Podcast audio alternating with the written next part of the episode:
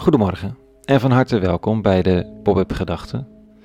Elke ochtend van de werkdagen, normaal gesproken tussen 6 en 7, schrijf ik een overweging om de dag mee te beginnen.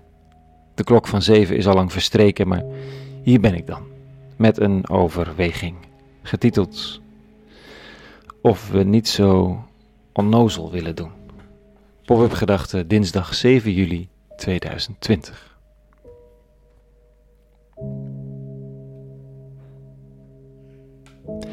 Er zijn maar weinig dingen uit het leven die nog echt relevant blijken te zijn op ons sterfbed.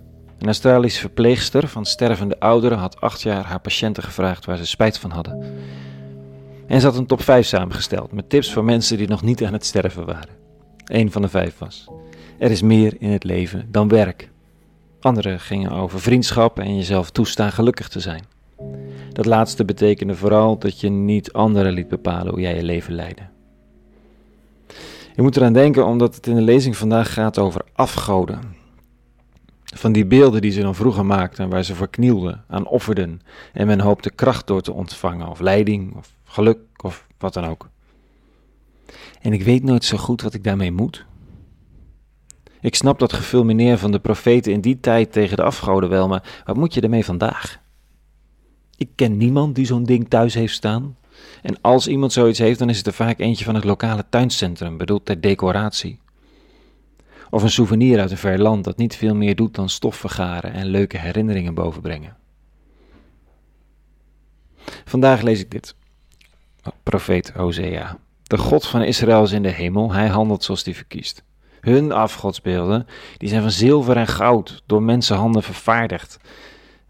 Ze hebben een mond, spreken niet. Ze hebben ogen, maar zien niet. Ze hebben oren, maar horen niet. Ze hebben een neus, maar zij ruiken niet. Ze hebben handen en tasten niet. Ze hebben voeten en lopen niet. Er komt geen geluid uit hun keel. Al even onnozel is hij die ze maakt en die vertrouwt op hun macht.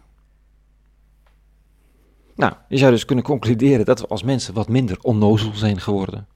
We weten dat zo'n dikbuikig boedaatje niet naar ons luistert, ons niet ruikt, hoort, voelt of aanraakt. We zijn verlicht geworden. Bijkomend nadeel misschien voor de profeet is dat we niet alleen de zantenkraam van godsbeeldjes bij het afval hebben gezet, maar Gods beeld überhaupt. Ook de eeuwige van Israël is de grote afwezige in het leven van mens. Als ik even een kleine spade dieper in de tekst graaf, dan gaat het dus om elementen waar de mens op vertrouwt, alsof het luistert, ziet, voelt, ruikt en aanraakt. Terwijl het eigenlijk onnozel is en wie erop vertrouwt is al even onnozel. En is met het verdwijnen van de macht van onnozele godsbeeldjes ook onze onnozelheid verdwenen? Bizar woord eigenlijk, onnozel, onnozel. De klank is al een beetje de betekenis. Onnozel. Nou, terug naar de Australische verpleegster. Zij vroeg: Heeft u ergens spijt van gehad? Ze had er kunnen vragen: Bent u onnozel geweest in waar u op vertrouwde? En ze had misschien dezelfde antwoorden gekregen. Over werk. Dat het onnozel is om te vertrouwen dat werk je gelukkig gaat maken. Of meer mens gaat maken. Dat werk niet alles op mag slokken. Dat werk je niet geeft wat je verlangt. Dat werk geen hart heeft dat jou aanvoelt, geen handen heeft die je omarmen, geen ogen heeft die je zien. Ik vroeg me af wat dan wel ogen heeft om te zien, oren om te horen en een neus om te ruiken. Als die beeldjes dat dan niet zijn.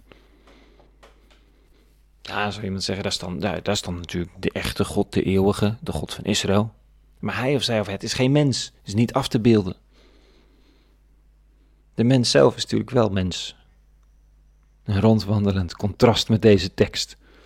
Een poppetje dat wel ruikt, voelt, aanraakt en een hart heeft. En moet je dan de mens aanbidden? Misschien is het wel andersom. Dat de mens die soms de behoefte had en heeft om een godsbeeldje te dienen, zelf beeld van God is en gediend wordt door de eeuwige. Niet dat de maker van de wereld op zijn knieën ligt om gelukkig te worden van de mens. Maar nou, christelijke spiritualiteit zegt dat de mens een afdruk is van het wezen van de eeuwige. Een afdruk van het wezen van de eeuwige. Zoals een beeldenmaker een afdruk maakt van zichzelf of van een ander mens.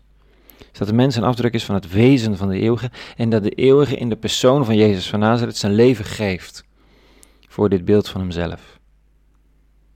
overbuigt.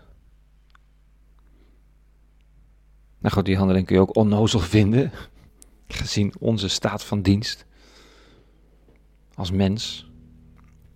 Maar het kan je ook diep dankbaar stemmen. En doen besluiten om alles waar je zelf voor knielt uit het raam te kieperen. Want wat heb je nog nodig als je gezien bent, opdat je leert zien? Als je gehoord bent, opdat je leert horen. Aangeraakt bent, opdat je liefdevol leert aanraken. Tot zover de wat verlaten gedachten van vanochtend. En voor vandaag vrede gewenst. En alle goeds.